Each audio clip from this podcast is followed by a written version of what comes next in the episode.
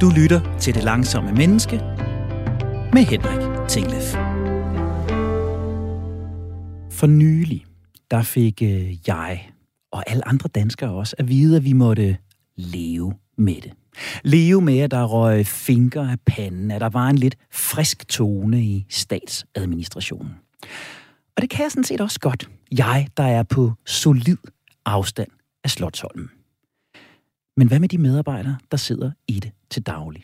Dem, der modtager sms'er i sene aftentimer, hvor de bliver bedt om at lægge sig ned og rulle rundt. Hvad med dem, der er chefen for at vide, at de må se at få fingeren ud af? De skal overveje, om det er her, de vil være, eller direkte bliver kaldt sløve. Skal de også bare leve med det? Jeg har selv prøvet at blive hængt ud for udtalelser i radio eller tv. Jeg er blevet latterliggjort på sociale medier, når jeg har optrådt som ekspert. Og jeg har også prøvet, at kolleger til mit ansigt har kaldt mig nærtagende, har ignoreret mig eller i rette sat mig i åbent forum. Jeg fik bravende ondt i maven hver gang. Jeg var næppe hverken særlig initiativrig, kreativ eller velformidlende lige bagefter. Og her den anden dag, der prøvede jeg det live. Jeg havde kørt min søn i skole. Jeg havde hans cykel på stativet der bagpå, så han selv kunne cykle hjem. Og jeg hader at køre den der skolevej 10 minutter i 8. Fordi der er den der linde strøm af store og små unger på cykler, løbehjul og gåben med huer og hætter og høretelefoner, der krydser vejen for for godt befindende. Og det giver mig altså hjertebanken og nærmest kronisk angst. Jeg kører konstant med øjnene flakne som en radar og med foden til bremsen, som det vist hed på køreskolen. Netop som jeg havde parkeret, der blev jeg passet op af en varevogn.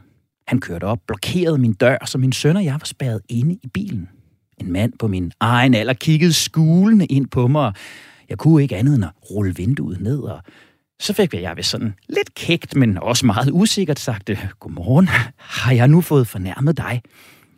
Og så fik jeg ellers voksenskæld ud. Om jeg vidste, hvor tæt jeg havde været på en pige med cyklen bagpå. Om jeg slet ikke tænkte mig om. Om jeg var klar over, at det var børn, der færdedes her. At jeg da nok skulle åbne øjnene og være mere opmærksom. Jeg husker knap nok samtalen. Eller samtale samtale skideballen. Jeg var mildt talt i chok. Jeg blev angrebet for noget, som jeg dag efter dag er opmærksom på at gøre godt. Angrebet for en uansvarlighed, som ligger så langt fra noget, jeg kan genkende fra mig selv. Beskyldt for en forseelse, som jeg på ingen måde havde intention om at begå, og som jeg faktisk dagligt lægger energi i at undgå. Helt som jeg tænker, mange medarbejdere må have det, når chefen er frisk i tonen. Manden rullede op og kørte væk. Min søn stirrede måbende på mig. Er du okay, far? Jeg fik ham ind på skolen. Jeg kom tilbage i bilen, og så kom tårerne. Det er ærligt. Jeg, grænvoksne mand, sad og tudede i min bil. Jeg kan meget vel have været 3, 7 eller 10 cm for tæt på en elev indrømmet. Manden i varevognen kan have haft en dårlig morgen, men også en færre pointe. Det kan have været en finke, der røg af hans pande. Men kære medforældre der i den hvide varevogn, du sad i mig resten af dagen.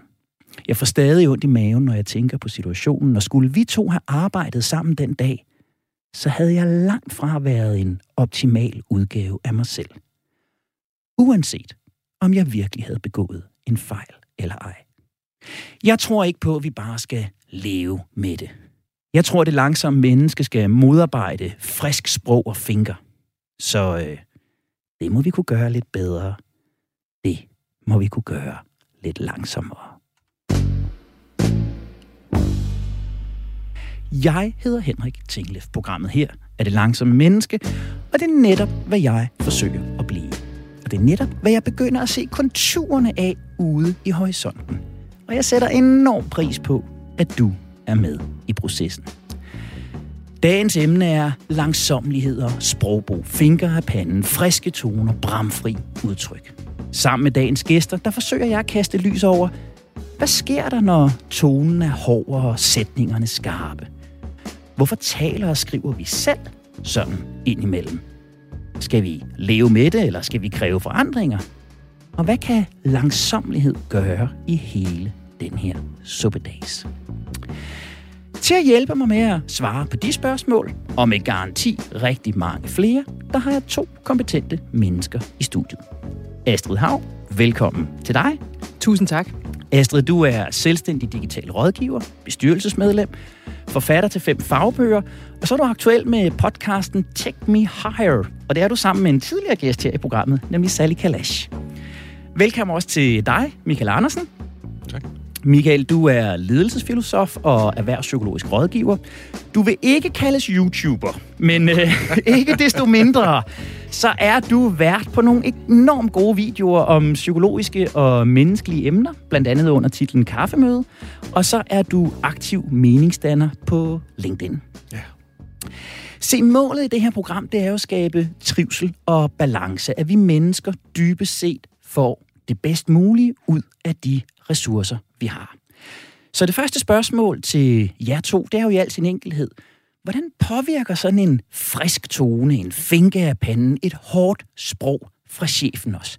Hvad betyder det for vores tryghed, vores kreativitet, vores produktivitet? Michael, du skrev jo et længere LinkedIn-oplæg om, om det her, så, så lad os starte med at høre din vinkel på. Hvad, hvad betyder det her egentlig for os? Jamen nu, det, det er jo så meget op i tiden, at vi skal snakke psykologisk tryghed eller psykologisk sikkerhed. Det, det, det, der, det er der skrevet mange bøger om efterhånden også. Så det har selvfølgelig indflydelse på vores måde at være i verden på, hvis, hvis vi bliver udfordret på vores sociale status, bare jeg at kalde det. Altså, hvordan er min relation til de mennesker, der er omkring mig?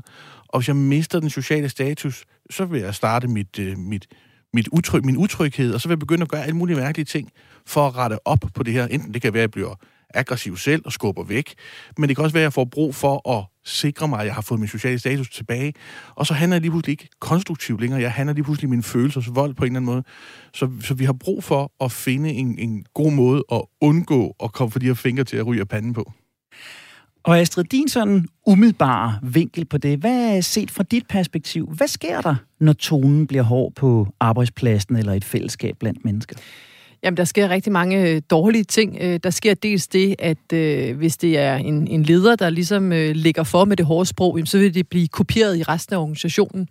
Øh, jeg har øh, arbejdet som, som særlig rådgiver også, øh, hvor øh, for en minister, som, som gik sådan meget øh, frisk øh, klædt og lidt, lidt utraditionelt klædt, ikke i jakkesæt, men mere sådan cowboybukser og t-shirt. Og det betød, at hele ministeriet i løbet af kort tid lidt ændrede dresscode. Og det var sådan en meget synlig måde at se, okay, man, man spejler sin leder, man spejler sin sin, i det her tilfælde, minister. Og på samme måde, så spejler man jo sin, øh, sin direktør eller sin statsminister, hvem det nu er. Okay, hvis det her det er tonen her, hvis jeg skal passe ind, så nytter det ikke noget, jeg går, går rundt og er super øh, happy og roser folk, så skal jeg være lige så hård som de andre. Øh, jeg har også jeg arbejder på, på Christiansborg også, øh, hvor, hvor det også slog mig, at der var et meget, meget hårdt sprog, øh, og at man kunne ikke møde op og så være sådan super glad, fordi så virkede man, det kunne man godt, men det kom også ret hurtigt til at virke sådan lidt lalleglad, som om, har du ikke forstået alvoren af det, vi laver? Så der er i det der, især det politiske, et enormt hårdt sprog, og det er der også nogle steder i, i erhvervslivet, men hvor jeg dog oplever, øh, at, det er, at det ikke længere er så moderne. Altså det er ikke det er ikke kønt, og det er ikke sådan idealet, at man skal være sådan en leder, der går og, øh, og råber og skriger sine medarbejdere, men det sker stadig derude. Og det er jo interessant, ikke? fordi vi har jo tidligere i programmet talt om, vi har undersøgelser, der viser, at lederes omtale af søvn kan påvirke, hvor meget medarbejdere rent faktisk sover. Vi har undersøgelser, der viser, at hvordan en leder taler om specifikke medarbejdere, kan påvirke, hvordan andre medarbejdere øh, taler. Du fortæller nu om dresscode kan smitte fra, fra leder til, til medarbejdere. Så, så er det i virkeligheden sådan, at vi får skabt en kultur her, Michael? Altså, at, at, at hvis lederen er hård i tonen, sender sms'er med, med retorik, som vi hørte på pressemødet i forrige uge, eller som eksempler, jeg nævner her, så er det sådan, vi kommer til at tale?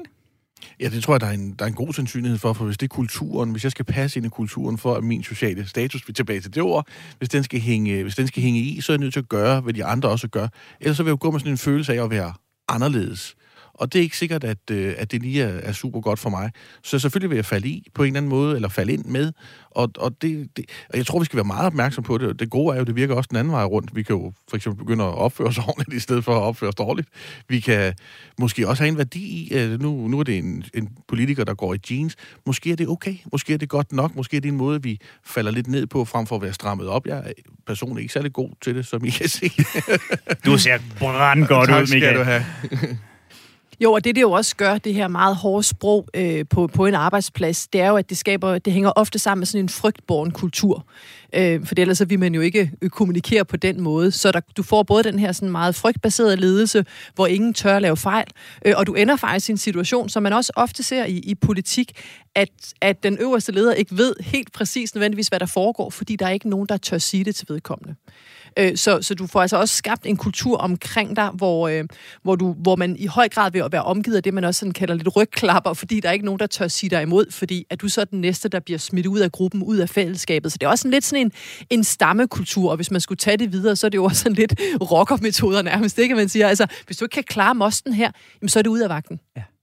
Og det vil sige, der kræver det jo nok ikke nogen embedseksamen i erhvervspsykologi at regne ud, at det, du beskriver der, det begrænser kreativitet, det begrænser innovation, det begrænser de store tanker, fordi det er jo at tænke ud af boksen, og det skal jeg endelig ikke gøre. Men hvad sker der ellers? Altså, hvis vi skal kigge på vores produktivitet, på vores arbejdsevne. Altså, jeg kommer jo af sådan en psykologisk skole, hvor jeg vil sige, så begynder krybdyrhjernen at tage over, vi bliver kortsigtet, det kommer til at handle om mine rammer, mine mål. Øh, jeg træffer øh, beslutninger, der ikke, særlig er velover, der ikke er særlig velovervejet. Hvad, hvad oplever vi ud over den her utryghed, hvis tonen den bliver hårdest? Altså det, jeg vil sige i sådan en, en igen sådan en politisk kontekst, det er jo netop det her med, at man er bange for at træde ved siden af. Man er bange for at, øh, og måske også at tænke visionært. Og det er jo i hvert fald også noget af det, der bliver efterspurgt i det politiske. Hvor er de politikere, der tør være visionære, tør sige noget, der måske er lidt mere sådan, øh, udfalder uden for regnearkene. Øh, så, så jeg tror, der, der ligger noget i den måde, vi taler på. Der ligger noget i de, i de begrænsninger, vi med det her sprog netop sætter op for hinanden, i forhold til så at, og måske at ture øh, og falde lidt uden for, for normen, også i at have nogle lidt, lidt skøre idéer, eller have nogle lidt mere øh, visionære idéer øh, i det politiske. Så og så, kan... undskyld, den sidste ting, det, det tyder også noget for, hvem er det så, der vælger at gå ind i politik. Øh, vi ser jo, at øh, i hvert fald mange af partierne kan have svært ved at rekruttere, øh, og det, det vil ofte måske være en, en, en bestemt type af mennesker, der så vælger at gå ind i, i, i politik. Øh, så, så partierne har jo den her udfordring med at, at, at få rekrutteret øh, til, øh, til, øh, til partierne, især måske øh, også øh, yngre, eller øh, folk, der sådan er øh, børnefamilier og forskellige andre. Både fordi retorikken er hård i politik, men selvfølgelig også den anden vej rundt, øh, og det tror jeg også, vi kommer til, det som politikerne øh, for eksempel bliver udsat for øh, på de sociale medier fra borgerne hvor godt folk er, kommer godt folk til, og hvor skidt folk er, og så videre. Så Michael, et, et oplagt spørgsmål vil jo være, hvorfor pokker gør chefer så det her? Er, er det fordi, vi har en idé om, at vi er stærke chefer, når vi kommunikerer på den måde? Er det fordi, vi simpelthen er så fortravlet, at det er det eneste, vi kan gøre? Eller hvorfor findes det derude, når, når vi står her, tre mennesker med hver vores faglighed, og, og siger, det er, det er forkert at gøre? Vi har også set befolkningens reaktioner de seneste uger. Hvorfor gør chefer det her, Michael? Jamen, det, det det, det tror jeg godt, vi ved, øh, og, og det er ikke så enkelt. Øh, jeg tror, en af de problemer det er, at vi vil gerne simplificere, det vil vi gerne alt. Øh, og måden, vi så simplificerer på, det, det, det akademiske er også at simplificere noget komplekst, og så skal vi så have det til at virke på en eller anden måde. Og så presser vi det jo bare igennem, som det er sådan, det er. Øh, og det, det, det gør jo også, at lederne på en eller anden måde skal leve i en anden performancekultur. Altså, vi har jo en, en, jeg bruger det her ord vækstliderlighed kørende i, i samfundet, hvor, vi, hvor vækst er vigtigere end andet. Vi, I gamle dage kunne man sige, at vi havde måske en, en religion, øh, som, som ligesom tog sig af vores etik og moral. Den etik og moral er måske i dag mere vækstliderligheden, og det er også det, der gør, at vi har forrådelse i ledelse, det der gør, at vi har forrådelse også ude i vores daginstitutioner. Og sådan noget. Så, så der er sådan en masse ting, der bevæger sig. Og jeg tror, at så længe at det, jeg måles på, og det, jeg holdes op på, det er, at jeg ser godt ud ud af til, altså jeg performer i forhold til de tal, der eventuelt er sat op i KPI eller andet, eller det er sådan, at jeg gerne vil se ud i forhold til, hvilken bil jeg kører i, eller sådan noget, som min nabo kan synes, jeg ser godt ud. Jamen hvis det er det, der er styrende, fordi det er normen i samfundet, jamen så er, så er jeg nødt til at presse igennem, at vi skal levere, og vi skal helst levere mere i dag, end vi gjorde i går, og vi kommer også til at skulle levere mere i overmorgen. Og så, så er der jo på et eller andet tidspunkt ikke mere at hente i medarbejderne. Og så kan jeg prøve at presse dem lidt yderligere med, med, med lidt øh, hård tone, eller hvad det nu kunne være. Det virker ikke, men, men det er en måde, jeg også kan holde mig selv ud på, altså holde mit eget ubehag på, om jeg lever op til det, jeg skal leve op til, eller ikke lever op til det i forhold til mine egne normer, altså mine egne overbevisninger. Og, og det kan jo føles ubehageligt, hvis jeg ikke synes, jeg lever op til de KPI, eller hvis jeg kan se, at jeg ikke lever op til dem. Hvordan holder jeg det ubehag øh, ud? Jamen, det kan gøre ved at skubbe det over på mine medarbejdere. Så egentlig bare flytte mit ubehag ud i noget micromanagement, som du så kan tage over som min medarbejder. Så i virkeligheden siger du, at det her er en misforstået stress-coping, stresshåndteringsmekanisme for mange ledere, at for at rumme min egen usikkerhed, mit eget ubehag i den performancekultur, jeg lever i, jamen så svinger jeg pisken over nogle andre, så får jeg det ud på den måde. Ja, det vil jeg tro. Astrid, vi ved jo, det er der jo forskning på, blandt andet professor Keltner har jo øh, forsket i det i mange år, det her med, at magt gør noget ved menneskehjernen, at magtfulde mennesker bliver mindre empatiske, at magtfulde mennesker har sværere ved at se andre folks øh, reaktioner. Altså, tror du simpelthen, det er det, det handler om, at, at når vi bliver magtfulde, så glemmer vi bare at tage hensyn til, til andre, eller hvorfor tænker du, at denne her kultur, den, den får lov at være der? Jamen, det er virkelig et godt spørgsmål. Øh, jeg tror, der er mange ting i det. Jeg genkender meget det, som, som Michael også er inde på. Øh, og jeg tror også, altså, dels er det jo det her med, at man gør det, man kender, Øh, så det er jo også noget med at sige, hvad er det for et system, man er opdraget i? Og det, det har vi jo også set med fokus på ungdomspartierne. Den kultur, der er der, det har været meget i forhold til MeToo for eksempel, øh, men, men det vil jo også gøre sig gældende øh, i forhold til, til sproget øh, og ledelsestilen. Så, så det, man kender, eller måske manglen på, på rollemodeller i forhold øh, til det her. Og så tror jeg også, den anden ting er, at når du skal træffe store beslutninger, som det jo ofte er øh, som, som topleder eller statsminister, så skal du ikke træffe den på baggrund af, hvad føler jeg lige nu. Så er der i hvert fald en, en opfattelse af, at det ikke skal være sådan en emotionel øh, stillingtagen. Så derfor bliver du også nødt til at være sådan lidt, finde de mere sådan rationelle øh, hjerne frem og sige, okay, nu kigger vi på nogle tal og nogle analyser, vi laver lidt, øh, hvad er for og hvad er imod, og så bliver vi det. Og det er klart, hvis du så arbejder meget, som du også ofte vil gøre som topleder, så er det jo ligesom, altså, det mindset, du tager med dig, øh, også ud til de medarbejdere, måske endda tage med hjem til, til familien og andre steder, så kan det være svært at slippe igen. Så, så så jeg tror, det er svært at gøre sig fri af, kan man sige, sådan øh, magtens å eller beslutningernes å. Men jeg oplever også øh, og kender politikere, der håndterer det meget forskelligt. Og, og der er altså nogle øh, politikere, som formår at holde fast netop i den her øh, menneskelighed, og så er der nogen, hvor man sådan hvad vil sådan måske bagom siger, at det steder dem lidt til hovedet. Ja, ja i bogstaveligt øh, forstand. ja, præcis. Og Michael, du lavede jo et, et LinkedIn-opslag, der fik, jeg kan ikke huske tallene i hovedet, men rigtig, rigtig, rigtig mange visninger og rigtig, rigtig mange kommentarer. Vi kommer lidt ind til netop kommentarerne lidt senere, for det var morsomt i sig selv, hvad der, hvad der skete der. Men hvor du jo netop gjorde fru statsminister, som du omtalte hende, opmærksom på det. Mm. Og jeg tænker, et, et, et relevant spørgsmål er jo, uden at det her skal blive et politisk program, lige så lidt som dit opslag var politisk mindet, men det var ledelsesmindet og mm. tonemindet, og det er også det, det her program er. Øh, øh, hvorfor vælger en leder, i det her tilfælde statsministeren, men det kunne være en hver leder, at stå på mål for sådan en retorik, for sådan en kultur? Er det, fordi hun ikke kan se problemet? Igen, vi ved, at mennesker med magt får nedsat aktivitet i spejlneuroner, og dermed ikke rigtig spejler, hvad der sker i andre mennesker. Er det et politisk cover-up? Er, er, er det, fordi hun rent faktisk mener, at vi bare skal leve med det? Hvordan kan vi have en topleder, der står på mål for sådan en kultur? Ja, det tror jeg ikke, øh, det tror jeg ikke, vi tre her kan gætte om, men vi kan jo høre på, hvad hun sagde. Og hun sagde jo, at det var jo fordi, at øh, jeg vil bakke mine medarbejdere op, og de skal ikke komme til at leve i en anden frygtkultur, hvor de ikke tør at gøre ting fremadrettet det var også lidt det, jeg angreb, ikke? fordi det var, det var et fjollet svar. Øh, det er jo netop jeg. det, vi bliver enige om her, der, der tværtimod sker. Ja, ja, man kan sige, at det kan godt være, at hun over for øh, øh, Barbara får skabt en anden tryghed, der siger, at det er fint nok, du gør, hvad du gør, Barbara, eller de andre, øh, som lige er tæt på hende. Men det er jo ikke det, der sker længere nede i organisationen. Så det, hun siger med, at jeg vil skabe en tryghedskultur, hvor folk ikke er bange, ja, det virker kun i topledelsen. Fordi længere nede, der er det jo noget andet, der sker. Og, og, og det var sådan lidt det, som jeg sådan synes, ah, det, det, det går altså ikke, øh, statsminister. Der, der må du lige spænde hjelmen og så tænke lidt anderledes. Og, og det var nemlig ikke et politisk opslag. Det synes jeg også er vigtigt at sige. Og, og det er måske en af de ting, der så kommer i den her sprogbrug, vi har også, at vi bliver polariseret helt vildt. Så hvis jeg kritiserer en lille ting ved statsministeren, så hader jeg statsministeren, så er jeg imod mink, og så, altså, så kommer der et eller andet mærkeligt øh, setup, som jo ikke er rigtigt. Og jeg synes, vi er blevet dårlige til at være uenige. Øh, jeg kan jo sagtens være uenig med mine børn om nogle ting, men det gør jo ikke, at vi ikke elsker hinanden. Så, så, så der, der er sådan noget der, som jeg godt kunne tænke mig, at man også lige får sådan lidt styr på at sige, at vi skal være dygtigere til at være uenige, uden vi bliver polariseret. For der synes jeg lidt, vi bevæger os ind. Ja, ja, ja. Og jeg tænker, Astrid, øh, øh, jeg så en, en gammel indefra med Anders Akker øh, forleden dag, der fulgte øh, CEO for, for Danfoss, som øh, var til et øh, stort, det var et klimatopmøde øh, år tilbage, og havde lidt ondt i ryggen. Og de havde sådan en lille snak om, at en top-CEO kan jo ikke tage en lille pude og sætte i ryggen, når man har ondt i ryggen. Og man kan jo ikke tillade sig at sige, at jeg rejser mig lige op, fordi jeg har ondt i ryggen. Det passer sig ikke for en top-CEO. Og jeg sad der og tænkte, jamen, hvorfor ikke?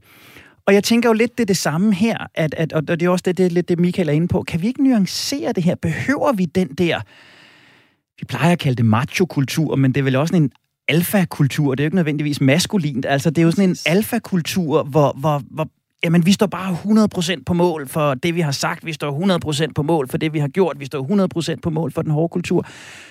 Hvorfor kan en topleder ikke sige, jo, det kunne da egentlig godt være, at vi skulle formulere os lidt anderledes, og hvis I, der dukker nogle sms'er op om lidt, hvor sproget er lidt hårdt, så er jeg egentlig ked af det, fordi jeg, jeg værdsætter mine medarbejdere, og vi bør tale pænt til hinanden. Hvorfor kan vi ikke det? Jamen, det er et virkelig godt spørgsmål. Jeg synes, den der statsministerrolle er blevet netop den der øh, alfakultur, som, som du siger, hvor man ligesom skal øh, stille sig frem, og der må ikke være noget at komme efter. Det var jo sådan lidt, øh, Lars, øh, hvad hedder han, øh, Anders Fogh Rasmussens mantra, øh, og det er ligesom med ham, Lars Lykke, han var sådan lidt mere flagrende, og det var der jo faktisk mange, der godt kunne lide, for der var virkelig ofte noget at komme efter, øh, og det stod han også på mål for, men, men man kan sige, at til sidst, så, så kunne han så ikke klare det mere, men han klarede det jo sådan set øh, meget godt.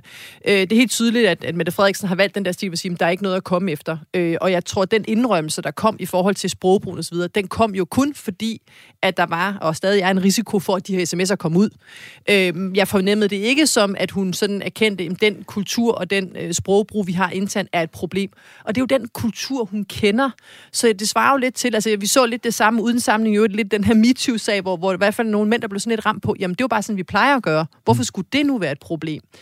Øh, så jeg synes, det, altså på den måde synes jeg jo, at det kunne man jo håbe på, at det er noget, der kan komme, det gode, der kan komme ud af den her øh, meget underlige og langstrakte mink-sag, det er jo, at der også sådan politisk bliver en opmærksomhed på, hvordan det er, vi taler til hinanden. Jeg tror desværre, at det, der bliver konsekvens, det er, at man finder nogle andre steder, nogle andre fora, hvor hverken politiet eller nogen kan få adgang til de her sms'er, eller man bare dropper sms'er.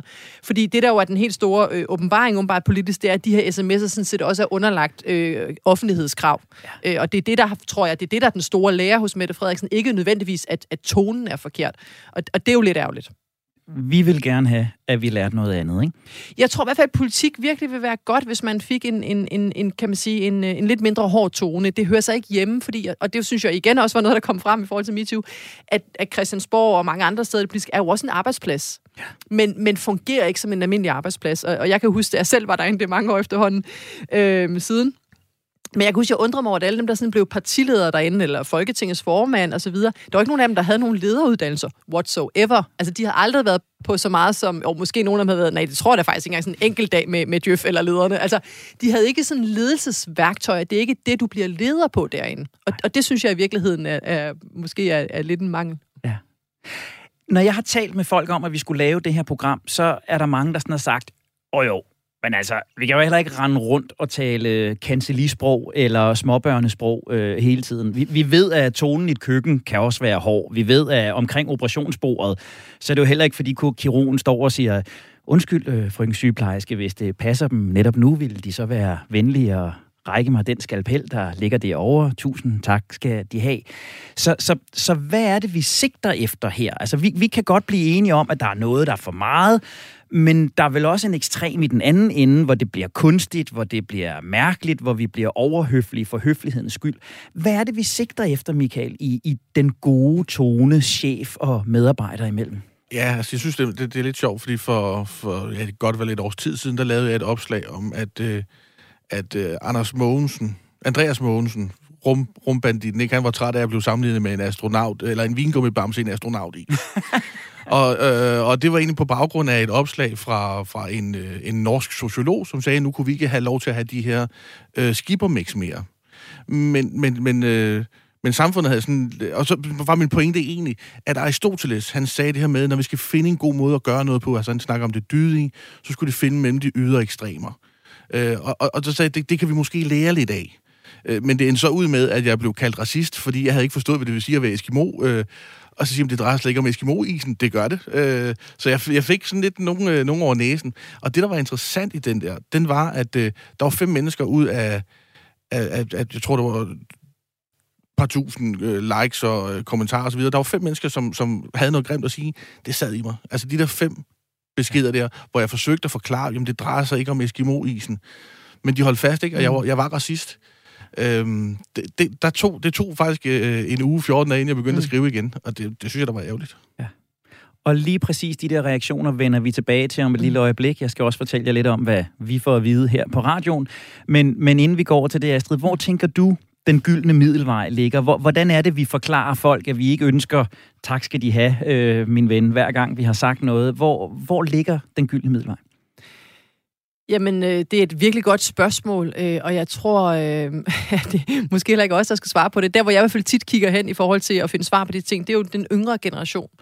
Øhm, og der oplever jeg, og, og i den sammenhæng, det, altså for mig er det dem sådan under 30, ikke? Bare lige hvis nogen så tænker, Ej, hvem er det? jeg troede, det var mig. Ja, det, det. det kan også, man kan også godt stadig føle sig ung af sind og så videre. Men jeg oplever i hvert fald bare, at de yngre generationer, der er mange ting, de ikke vil finde sig i øh, på godt og ondt. Ikke? Og jeg oplever mange sådan, øh, så kan man sige, sådan i 40'erne og 50'erne, som måske er chefer og sidder og har en eller anden form for, for magtposition, som faktisk synes, det kan være svært med de her unge mennesker, der kommer ind på arbejdsmarkedet og ikke vil finde sig i det ene og det andet og det tredje. Øh, og der tror jeg, vi gør os selv en kæmpe tjeneste ved at prøve at lytte til dem. Vi skal selvfølgelig også diskutere med dem og sige, nej, men altså, vi skal ikke cancel alle, bare fordi de kommer til at, at bruge et udtryk forkert eller, eller andet. Vi skal finde en balance der, men vi skal i hvert fald lytte til dem. Og som arbejdsplads, så vil det jo være også være, være de arbejdspladser, der forstår det, som har det største rekrutteringspotentiale potentiale. Så lige nu er det jo sådan lidt, altså købers marked forstået som, der er mangel på arbejdskraft. Det vil sige, at de her yngre generationer faktisk godt kan komme ind øh, og, og være med til at definere en kultur på en arbejdsplads. Øhm, og, øh, og, det, og, og rekruttering, det vil ligesom være det, man som topleder i hvert fald skal tænke øh, i forhold til at sige, at vi er nødt til at have en kultur, der, er, der, er, øh, der, der passer til de her øh, yngre generationer. Og hvis man er i tvivl, så spørg dem, snak med dem, øh, find en eller anden balance på arbejdspladsen, i stedet for at tro, man ved det hele, fordi man har været chef i mange år. Ja, det var, altså, for lige at vende tilbage til Aristoteles, som sagde, at det var mellem de to yderpoler, man skulle finde, så sagde han jo også samtidig med, at, at den, den unge kunne godt være lært, men han kunne ikke være vis. Øh, og, og, så der er noget med, at det, det tager tid, at vi skal lære, hvordan, hvordan taler jeg så ordentligt i de forskellige situationer. Det lærer jeg over tid. Øh, men i det ligger der jo også, at jeg skal have lov til at fejle. Mm. Og i det ligger der også, at I andre skal rumme mig i mine fejl, ligesom jeg skal rumme jer i jeres fejl der halter vi nok lidt, ikke? Så i stedet for at finde løsningen løsning på, hvad vi skal, øh, eller hvad, hvad, hvad er det rigtige svar, så er løsningen måske, hvad er den rigtige måde at tilgå på. Lyt til de unge, lyt til Aristoteles, giv plads til fejl. Du har stillet ind på Radio 4. Programmet, du lytter til, er Det Langsomme Menneske. Mit navn er som altid Henrik Tinglef. Dagens tema er langsommelighed og god tone. Og med i studiet, der er lige nu selvstændig digital rådgiver Astrid Hav og ledelsesfilosof Michael Andersen. Og nu har vi jo talt rigtig meget om ledere og om politikere, der taler knap så pænt. Udfordringen er jo bare, at det gør vi også. Vi helt almindelige mennesker. Jeg bad min redaktør om at øh, suse sms-barken her på kanalen igennem her forleden dag, og det tog hende ikke mange minutter at komme op med citater som dem her. Hvorfor flytter verden ikke til Afghanistan eller Nordkorea, når nu hun hader Vesten så meget? Hold nu op en gang sniksnak. Det er caps lock, det her. Man skulle tro, I fik penge for at fremme dagsordenen om restriktioner. Hej, verdens navn. Din fucking medieluder. Og så en her, der kom i forbindelse med Halloween. Jeg synes, børn i år skulle klæde sig ud som den stupide kommunistvært fra Statsradio 4. Og det er altså ægte mennesker, der skriver ind til ægte værter, mine kolleger, der passer deres arbejde her på stationen. Og jeg kan love jer, at vi kunne finde ting, der var meget værre end det her. Det var bare dem, der egnede sig til at blive læst op i radioen. Det skete også i dit LinkedIn-opslag om statsministeren, Michael. Øh, du blev beskyldt for diverse politiske agendaer. Du fik for eksempel en, øh, jeg er glad for, at det er Mette Frederiksen og ikke dig, der træffer beslutninger. Det var vist så den, Mette Frederiksen gav Henrik Kvartrup tidligere, men lad nu det ligge. Den går videre. Og, øh, og veluddannede mennesker i det her faglige netværk kaldte hinanden for smølfer. De troede hinanden med fængsel for injurier og brugte friske udtryk som du tager som sædvanlig fejl, du er uden for pædagogisk rækkevidde og sågar stupid spade. Jeg øh, morede mig lidt, da en mindfulness-instruktør af alle fjerndiagnostiserede statsministeren som havende manglende mentaliseringsevne. Og igen, det er altså på et fagligt netværk. Det er højt uddannede mennesker. Man kunne sidde og se deres titler og uddannelser under øh, de her øh, udtryk. Og det var bare endnu en gang en situation, hvor jeg må sige, at mennesker bliver ved med at overraske mig. Og Astrid, nu er du jo den digitale ekspert øh, i blandt os. Michael har den personlige erfaring, den får du lov at beskrive om lidt. Hvorfor sker det her, Astrid? Hvorfor er der den her forrådelse i sådan et kommentarspor? Vi ser det jo alle vegne. Mm, ja, og nu har jeg siddet og beskæftiget med det her område de sidste mange år, øh, og jeg er stadig overrasket over det. Jeg, jeg er forbløffet, også som du beskriver, øh, og, og det har ikke noget med uddannelse at gøre, men, men på LinkedIn netop, hvor det jo er, øh, altså folk er i gennemsnit højere uddannet på LinkedIn, end de er på andre, andre steder. Det er der, de søger hen.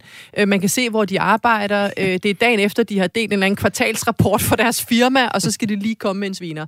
Øh, jeg har selv en ret, sådan, hvor jeg siger, hvis der kommer de der typer, altså så sørger hvis, hvis jeg er netværk med dem, så, så gider jeg ikke at være netværk med dem mere, øh, eller jeg sørger i hvert fald for, at jeg ikke går ind i, i, i en dialog med dem. Men man kan undre sig, men altså, det der jo sker, hvis man også, der er masser af undersøgelser af det, at hvis man så møder nogle af de her folk i virkeligheden, altså fysisk, så er de helt anderledes. Altså, så har de ikke den del. Så det er altså noget, som som internettet på mange måder gør ved os, og især sociale medier, fordi der ikke er de der, øh, kan man sige, fartbum. Der er ikke nogen barriere. Øh, altså i, i, gamle dage, så hvis du skulle lave en eller anden trussel, så skulle du skrive et trusselsbrev, eller du skulle opsøge folk på deres adresse eller virksomhed. Altså, det var lidt mere besværligt. Øh, og, og jeg tror alle dage, folk måske har siddet sådan og, og råbt lidt af tv'et eller radioen, eller et eller andet, hisset sig op over ting, men det her med, at det er så kort, altså du kan sidde og se øh, aftenshowet, eller sidde og høre det her program, og så kan du finde os alle sammen på alle mulige sociale medier, og så i løbet af, af 30 sekunder, så har du lavet en sviner, og så er det ligesom ud af din verden. Ja. Øh, og så har du, men jeg tror ikke, folk tænker over netop den altså lort, de bogstaveligt talt ligger på øh, andre menneskers bord, fordi vi bliver alle sammen ramt af det her. Og der synes jeg heldigvis også, der vil ske en ændring, hvor man mange år sådan, også igen i det politiske snakker om, det skulle man bare finde sig i, det kunne du ikke gøre noget ved at nu siger de alle sammen, ved at det her, det skal vi ikke finde os i. Vi blokerer folk, vi sletter folk, vi svarer igen. Øh, nogen formår at gøre det humoristisk. Øh, det kunne være sådan en som Abdel Mahmoud Aziz, som, ja. som faktisk svarer igen humoristisk. Men det bliver så også en del af hans online tilstedeværelse at se, prøv at se ham her, nu svarede jeg sådan her. Øhm, og, og det er ikke alle, der har den energi og det overskud til det. Så, så det er en kæmpe, kæmpe udfordring med de her sociale medier. Øh, og der ser jeg desværre også en udvikling netop, hvor, hvor man kan sige, meget af det har været på Facebook, og det man også kan, kan øhm, øh, jeg ved ikke om det er morsomt, men det er alligevel tankevækkende på Facebook, at der er jo ikke særlig mange unge mennesker, som skriver kommentarer. Så det er altså grænvoksne mennesker, øh, som sidder og skriver de her sure kommentarer. Fordi vi taler meget om digital dannelse i folkeskolen og sådan noget, hvor det er sådan et, nej, nej, det, jo, børnene gør det også, men de gør det, at det er ikke kun børnene, det er altså også voksne mennesker, der sidder og gør det her. Med højt placerede stillinger i anerkendte virksomheder. Blandt ja. andet, ja. ja. Michael, du var i den anden ende af, af, af det her øh, kommentarspor, og du gjorde jo i virkeligheden noget af det, som, som Astrid beskriver her. Du var selv meget aktiv og, og var inde og svare på, på rigtig meget af det. Hvordan blev det oplevet fra, fra din side at have skrevet et fagligt indlæg med fokus på ledelse, og pludselig inde blandt smølfer og spader og uden for pædagogisk rækkevidde. Hvordan oplevede du det fra din stol? Jamen, øh, nu var det faktisk ikke det værste oplæg, øh, som, som jeg har oplevet, vil jeg gerne sige. Men, men, men det er jo lidt at sidde... Øh, jeg, jeg, jeg har ikke lyst til at kommentere dårligt. Jeg kan godt mærke, at der er nogle ting, hvor jeg har lyst til at sige, ah, helt ærligt, altså blive lidt vred selv. Men, men der, der, der har jeg lidt det der ting tastat, ikke? Altså man må, man må gerne tælle til 10, og den her effektregulering, som til syden ikke er super skarp altid ved, ved, ved alle debattører derude, øh, den, den synes jeg er vigtig. Og også for, hvis jeg et eller andet sted gerne vil prædike en, en livsform omkring medmenneskelighed, så nytter det jo ikke noget, at jeg er, er en idiot. Men jeg kan godt blive vred, og jeg kan også blive ked af det. Måske er det mest ked af det, jeg bliver. Jeg, jeg synes, at, at øh, at når folk skriver, at jeg er en, en klovn, så, ja, så er det det, det er. Altså, det må jeg, så svarer jeg et eller andet pænt tilbage. Altså, som udgangspunkt, så tænker jeg altid det, de skriver, for det er også noget, jeg ikke forstår. Altså, jeg forstår ikke det, de skriver. Og så tænker jeg, så må jeg svare øh, pænt tilbage, for det må være positivt ment. Så kan man altid læse i andet svar. Det var det nok ikke alligevel. Men, men øh, så lader jeg den et eller andet sted ligge der. Og, og, men der er en, han har det med, han skal altid jagte alt, hvad jeg skriver. Jeg har ikke tænkt mig at smide ham ud af netværket, for jeg, jeg synes jo ikke, det er et sted, der skal være censur på mine vegne. Jeg synes, der skal være plads til at, at, at være det, der skal være. Men jeg kan godt lide, når folk de taler pænt, og det, jeg synes, jeg så øh, i det opslag her, det var, at, at der var mange andre, der gik ind og sagde, eller der, der sagde, det her, det drejer sig ikke om politik, det drejer sig om det. Altså, der er jo nogen, der går ind og forsvarer det, der foregår. Og det gør det lidt nemmere at være mig. Ja. Fordi hvis alle nu havde set det som et politisk opslag, så havde jeg slettet det, tror jeg. Ja. Altså, så, fordi så, så, havde jeg, så havde jeg ikke formuleret mig rigtigt. Så var jeg, så havde jeg godt nok skudt ved siden af. Og det kan jeg jo også komme til. Og, og så, så der må også være lidt sindrensagelse med. Ikke? Så hvis de første 10 kommentarer havde været, at jeg var en blå lejesvind, eller hvad jeg blev kaldt undervejs, så, så, så, så, så, så, ville det være ærgerligt. Ja. Men hvorfor tænker du, Michael, at det her opstår. Altså, øh, øh, øh, Astrid siger et eller andet sted, at de unge er lidt klogere end, end os på det. Øh, øh, sådan en gammel socialpsykolog som mig vil jo sige noget om deindividualisering, at vi bliver en del af flokken, at vi glemmer vores egen identitet. Men her er det med fuld billede, ovenikøbet det, der ligger på virksomhedens hjemmeside, og fuld titel og helt CV'et kørende. Hvor kommer den der, det der behov for at, at, at, at udtrykke sig på den måde fra? Jamen, måske er, vi, måske er vi trætte, måske er vi for travlt, måske er vi presset, måske der kan være så mange ting. Øh, jeg tror ikke, at den, den følelsesmæssige bremseklods ved, når vi står ansigt til ansigt, den tror jeg ikke er tændt på samme måde hen over nettet. Altså, det, det må jeg bare sige, det, det er der alt, der tyder på, det ikke er i hvert fald. Så jeg tror, at, at øh, det, vi har inde i, det kommer ud, og, og det er nemt at skrive. Altså, vi mærker jo også selv, at da, da, den, da, da den gamle mand, var lige sige, mand, han kørte op på siden af dig, øh, som du fortæller i introen, der bliver du nok også måske ked af det og vred, som en, om man har lyst til at sige noget igen, men det gør man måske Altså, der når man at bremse sig selv, for man er. Det kunne godt være, det havde været anderledes, hvis det var det, man bare lige kunne sende en sms, ikke? Eller, Ja. Øh, vi ser det i road rage, ikke? Det er, jo, det, er jo, det er jo nemmere lige at stikke en finger op i vinduet, end det er at skal holde ind til siden og gå hen og snakke med ham. Ja. Så det gør man ikke, så derfor kan der godt komme en finger op i vinduet, eller man kan blive aggressiv i nuet. Så der er noget med effektreguleringen, som vi er blevet dårligere til. Måske fordi vi har en idé om, at vi har mere og mere ret til at være dem, vi er. Og det er jo teorien rigtigt. Men i retten til at være dem, vi er, mister vi jo ikke ansvarligheden for andre. Altså det, der er noget der, vi har misset. Altså hele den her selvudviklingskultur, og du er din egen lykkesmed, og alt det der løg, der har vi glemt, at der er faktisk, vi er faktisk afhængige af hinanden. Altså der er sådan en form for medmenneskelig gensidig afhængighed, som vi glemmer. Og det gør også, at teksten måske bliver grim en gang imellem. Det er en øh, pointe, der lige er vand på min mølle. Det der, det moderne menneskes effektregulering er blevet ringere. Vi er blevet mere opmærksom på, hvem vi selv bør have ret til at være. Ja. Og det bliver på bekostning af andre. Af fællesskabet og, ja. og, den, og den sociale kultur, ikke? Jo, er det her, det var, ligger, Astrid? Ja, eller? så er det jo bare sådan en umodenhed, i, må jeg også bare sige, fordi det her, altså det vil jo, eller det kan jo få konsekvenser. Øh, fordi jeg kommer også nogle gange ind i nogle virksomheder, der siger, Nå, men vi vil gerne have en masse regler for vores sociale medier, hvordan medarbejdere agerer. Der er også en masse juridiske ting, men ofte så handler det om, at der er en enkelt eller to, der ikke altså, opfører sig øh, ordentligt. Ikke? Øh, og, og der må man jo sige, der har du også ofte en eller anden form for loyalitet, ansvar over for din arbejdsplads. Du har over for dine medmennesker, som du så fint siger, men jo også over for din arbejdsplads.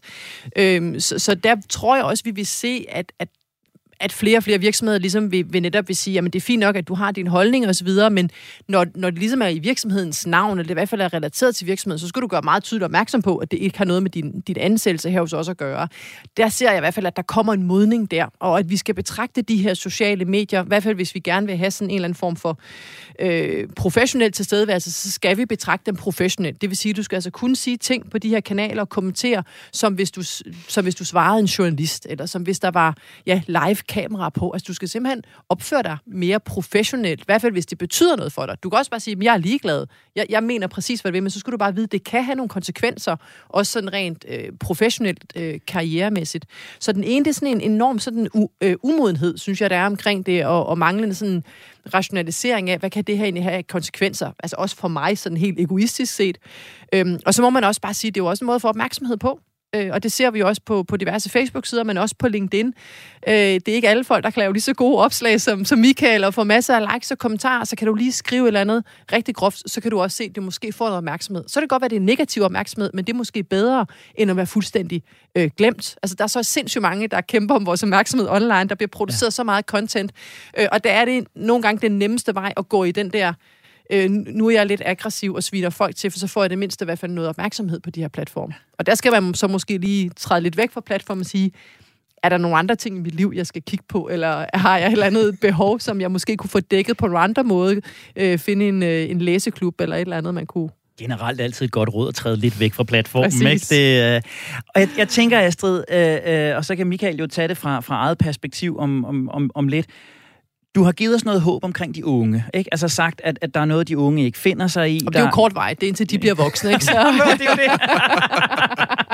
det er jo lige præcis det, der er mit spørgsmål. Jeg, jeg tænker, nej, det er så fint, fordi jeg tænker, altså, er det, er det her i bedring? Altså, øh, er det her... Vi taler rigtig meget om det øh, i øjeblikket i rigtig mange sammenhænge, ikke? Og kommentarspor Ekstrabladet har lukket nationen og alt det her. Vi har flere og flere moderatorer på. Er det her et Ragnarok, der er ved at eksplodere? Er det øh, noget, vi skal have tiltro til bliver bedre fremadrettet? Går det opad? Går det nedad? Skal jeg være rolig omkring det, eller skal jeg virkelig være endnu mere bekymret? Åh, oh, ja, men det er jo, tror jeg meget, det er sådan en smagsag. Jeg, jeg prøver altid at finde optimismen i de her Jamen, ting. det er jeg glad for. Fordi ellers så øh, bliver det simpelthen for, for trist, ikke? Øhm, altså det vi ser sådan helt ordnet, det er jo en ekstrem fragmentering af vores mediebillede. Og det tror jeg, der er mange især sådan øh, modne folk, som, som ser som sådan lidt en risiko. Men jeg ser også, der er nogle enormt store muligheder i det. Og jeg tror, noget af det, vi går væk fra, og igen også, hvis vi kigger på de unge, det er de her store sådan broadcasting-platforme, altså netop Facebook, hvor du sådan taler til hele verden. De søger i mindre grupper. Det vil sige, de er på, på Snapchat i grupper, de er i Facebook-grupper, øh, de er i TikTok i forskellige sådan communities. Så vi søger mere over i nogle fællesskaber, som giver os værdi og giver mening. Og så bliver vi måske mindre ligeglade med at skulle sådan at råbe hele verden op. Det, det ligger der nogle, nogle fordele i, der ligger nogle ulemper i det.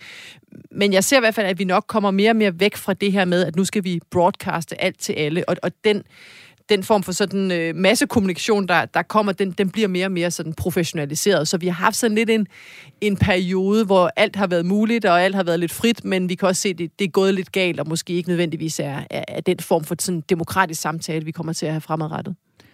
Det var den optimistiske udlægning, Michael. Hvad fra dit øh, filosofiske, ledelsesmæssige øh, øh, perspektiv? Du arbejder jo også med folk, der laver deciderede unoder på nettet og laver hacking, og du forhandler med hardcore hacker. Hvad tænker du? Altså, er det her noget, der vil eskalere herfra, eller er vi ved at finde en form, hvor vi kan samme eksistere og kommunikere bedre med hinanden på nettet? Ja, jeg synes, det er et vanvittigt godt spørgsmål. Øh, jeg hæfter mig ved, at nu, nu træner jeg jo øh, MMA-kæmper i min fritid, altså mentaltræning af dem, der gerne vil være pro-kæmper, og det er jo kigger man på hele UFC-forretningsgangen, den bygger jo faktisk på, at mennesker ikke kan lide hinanden. Ikke? Altså, de laver en masse med, at de sviner hinanden til på de sociale medier, og alle de her, der følger, liker og deler og gør ved. Og så øh, går de ind i et bur, og så pryler de hinanden, så der står blod ud af, af arme og ben. Og så, men, men så giver de hinanden et kram til sidst. Ikke? Altså, det er jo sådan, det, øh, så har man alligevel lidt respekt for den anden, man har kæmpet med, men det hele er bygget op omkring den her dårlige vibe, fordi så tænker vi, så skal de slå hinanden lidt hårdere, eller hvad ved jeg. Og det er jo noget af det, min søn eksempelvis også følger med i at se. Så der er et eller andet der, hvor jeg ikke kan sige, hvor, hvor bevæger det sig hen? Er det, er det en forretningsmodel, vi kan bruge at lave dårlige vibes? Så er der en ting, som vi ikke ved. Altså nu, nu ja, det er rigtigt, jeg arbejder med de her hacker, som jeg sidder og forhandler med rundt omkring, hvor de nu end er i verden. Og de udnytter jo big time alt, hvad vi afleverer af data ude på nettet. Og så er de sådan set ligeglade med, om vi taler pænt eller grimt. Det, hvor jeg kan se, at du har en holdning Øh, det vil jeg kunne bruge i noget social engineering af, at jeg kan faktisk vende dig til at gøre nogle ting. Jeg kan manipulere dig til at aflevere dit kort, måske, hvis du for at komme ind her i Radio 4, eller hvad det nu kunne være. Så der er sådan en, det, det er rigtig skidt, faktisk, at vi ikke er lidt mere... Øh, påpasselige med, hvad vi afleverer data rundt omkring, men og fordi vi, vi er lige glade, altså med vores personlighed, vores personlige data, vi afleverer løs. Jamen, kan jeg få lidt rabat i Coop, så får de alle mine data, velvidende, at, at Coop lige er blevet hacket, ikke? og de man ved ikke, hvor meget der er taget, hvor meget der er sluppet ud. Vi vil gerne have rabat i Mata, så vi afleverer bare data. Man kan ikke engang parkere, uden at den her unikke ID på min på mig som menneske skal afleveres med et telefonnummer, og mit, mit unikke ID på min bil skal afleveres i kvæg mit, øh, min nummerplade. Og pludselig kan man koble de her unikke ting på mig, og så kan man finde ud af rigtig meget omkring mig, og så kan man stjæle min identitet, og jamen, det er da rigtig råd. Ja. Så vi skal, vi, skal, vi skal passe lidt... Altså, i det hele taget, så synes jeg bare, at vi skal slappe lidt af med det der digitalisering. Altså. og det kunne Men det være... kommer vi jo ikke til. Altså, at slappe af med det, Måske, du? måske. Det? Ja, fordi det, nu, ja, på individniveau. Altså, nogen ja, vælger det fra. Ja, og måske også på lidt større niveau, ikke? Fordi at nu, nu kan vi se, øh, det, gennemsnitsprisen for, for et hackerangreb i Skandinavien, den er, den er 2,5 millioner dollars. Øh, og det begynder at blive mere og mere dyrt, ikke? Så vi begynder også at tænke os lidt om, ah, måske er, det, måske, måske er der nogle ting, hvor det betaler sig for os at sætte farten lidt ned på noget. Så det er i hvert fald ikke noget, vi stresser så vi ikke har tid til at lave to-faktor øh, auto. Altså, der er nogle ting der, som kommer til at flytte sig, tror jeg. Ikke fordi vi synes, det er en god idé, men fordi vi er nødt til det. Altså, altså jeg begynder at blive tilhænger af, at vi kører hele kommentarsporet ind i det der otkantede bur med MMA-kæmper, og så, øh, så løser vi det fuldstændig, som Michael gør med, med sine kæmper. Din radio står lige nu på Det Langsomme Menneske på Radio 4. Vi er programmet, der forsøger at være din radiofoniske søndagspause, som ikke bare giver dig en time i godt selskab, men også gode idéer til, hvordan du og jeg vi slipper speederen og griber fat i livskvaliteten. Og i dag også, hvordan vi smider færre fingre af panden. Jeg hedder Henrik Tinglef, og med mig i studiet, der har jeg selvstændig digital rådgiver Astrid Hav og ledelsesfilosof Michael Andersen. Og kære venner, jeg tænker jo, at vi skal slutte af i dag med at gøre noget ved det her. Vi, øh, jeg tror ikke på den der med det otkantede bur, den holder i længden, så, så vi, vi er nødt til at gøre noget andet. Ikke af politiske årsager, hverken af hensyn til Mink eller mætte eller Mogens, men af hensyn til folkesundheden, af hensyn til os selv og hinanden. Men hvad pokker gør vi? Altså, da statsministeren var justitsminister, der blev der afholdt øh, store møder, for, fordi de ansatte ikke kunne metoden, og da hun var beskæftigelsesminister, der blev der sat glasvægge op, og hun måtte kun kommunikere med ledere og ikke med de menige medarbejdere. Er det sådan, vi skal til at bure ledere, der smider fingre og panden inde, eller hvad skal vi gøre? Og mit store spørgsmål til jer, det er jo selvfølgelig, Michael, vil det her hjælpe hvis vi satte tempoet ned? Vil vi tale pænere til hinanden, hvis det hele gik lidt langsommere?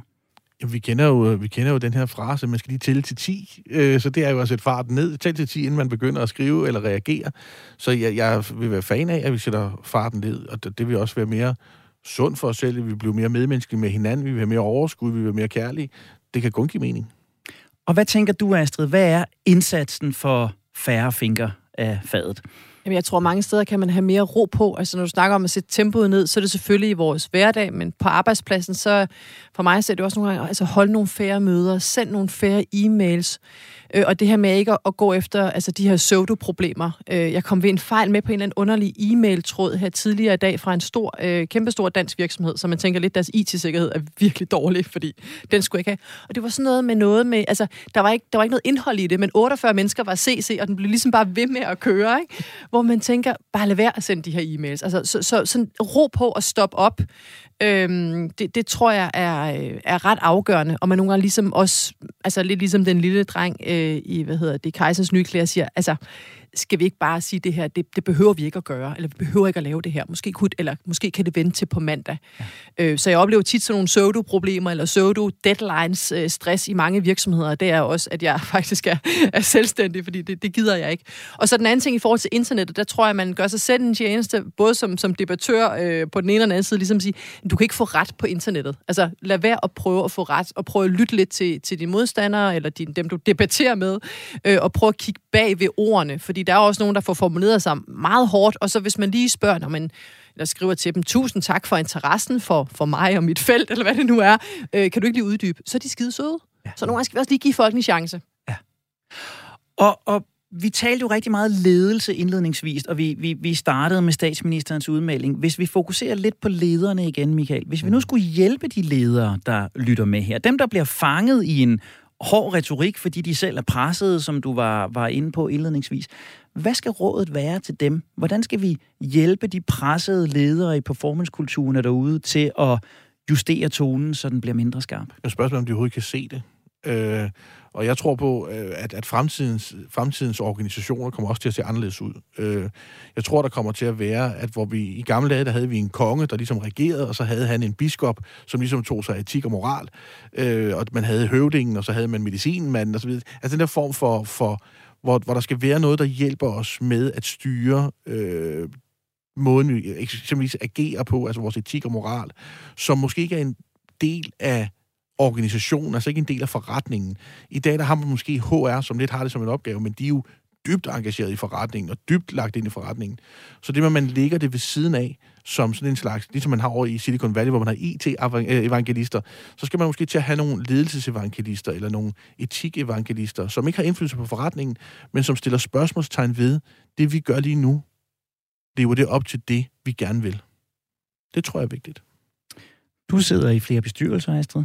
Er det, øh, er det det, der er talk of town, når I sidder omkring øh, bestyrelsesbordene, eller øh, er det andre ting, der, der bliver drøftet, og hvad mener du, der burde på bordet? Ja, jeg synes ikke lige, den der har været sådan helt op øh, på, på topagenda, men altså, det, som man jo godt kan gøre som topleder, det er jo også at træne sin kommunikation, den måde, man, man kommunikerer på. Jeg er meget optaget af, øh, eller jeg synes, det er tankevækkende, at du faktisk jo med den måde, du, du taler både om dig selv, og om din virksomhed og dine medarbejdere på, at du også med til at skabe den virkelighed, eller i hvert fald den perception, folk har af det.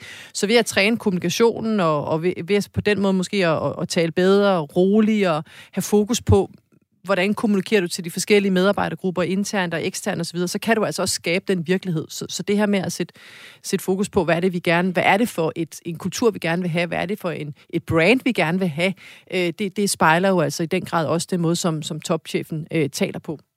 Så er der branding i pæn kommunikation internt. Det er helt vildt, og det ser vi jo på, på LinkedIn, hvor der jo er nogle topledere, der, der formår netop at fremstå.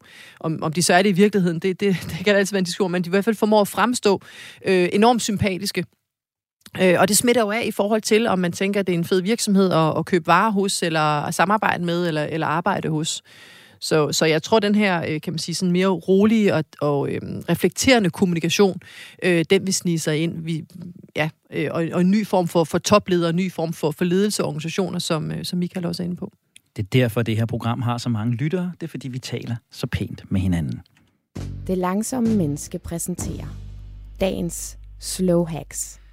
Og dermed er vi nået til det aller sidste i dag, dagens slow hacks. Michael, hvis du øh, skulle kondensere vores samtale i dag i et praktisk råd, i en praktisk handleanvisning til lytteren, mm. noget som vi kunne begynde at gøre lige nu, næste gang vi er på LinkedIn, næste gang vi er på Instagram, næste gang vi taler med vores kolleger, hvad er så for dig essensen af vores snak?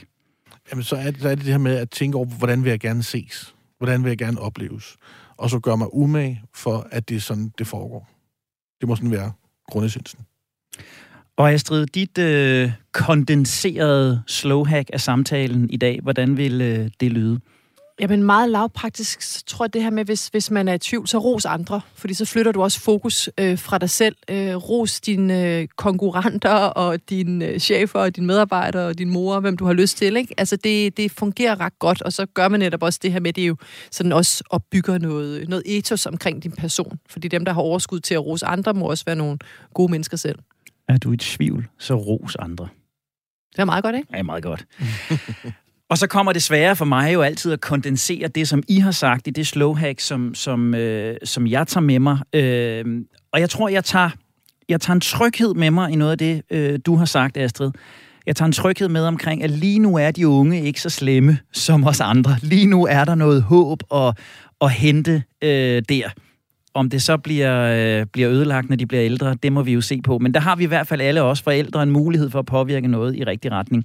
Hvis jeg skulle kondensere slowhacket handleanvisningen, så blev jeg meget øh, inspireret af det, du sagde, Michael, med affektreguleringen. Vi er blevet dårligere til, selv, øh, til affektregulering. Øh, vi er blevet fokuseret på øh, vores ret til at være dem, vi er, og så glemmer vi andre. Og jeg tænker måske derfor, at slowhacket skulle være noget i retning af, du har ret til at være den, du er, men du har pligt til at huske, at der er mennesker omkring dig. Og med de ord, så vil jeg gøre det, som Astrid har opfordret os til. Jeg vil ikke sige farvel og tak. Jeg vil sige farvel og mange tak til vores gæster, der har været med i dag. Jeg vil gerne rose jer, både for at I hver jeres øh, travle kalender fandt tid til at bruge en time sammen med mig, til at gøre det her med at have to mennesker med stærke meninger og, og kraftige personlige holdninger i studiet på samme tid, og kunne udvikle dem øh, respektfuldt og ordentligt og roligt og langsomt. Og tak, fordi I har gjort både mig og lytterne klogere på en pænere tone på nettet. Og det bliver simpelthen ordene herfra i dag. Der bliver hverken flere fingre eller flere skarpe sætninger. Der bliver ikke mere herfra. Du skal bare huske, at du altid kan hente Det Langsomme Menneske på podcast, lige der, hvor du normalt henter din podcast, eller inde på Radio 4-appen. Hvis du har input, kommentarer eller interessante vinkler på langsomlighed, som vi skal kigge nærmere på, jamen, så kan du altid skrive til os direkte til redaktionen på langsom radio4.dk. Programmet her, det er som altid produceret af Only Human Media. Tak fordi du har investeret både din tid og din opmærksomhed i os. Jeg hedder Henrik Tingle, og uden for mange flyvende fingre, så fortsætter jeg turen mod at blive det langsomme menneske. Og i dag tilføjer jeg, og hvis du ikke synes om det, så har jeg kun én ting at sige. Lev med det. Lev med det.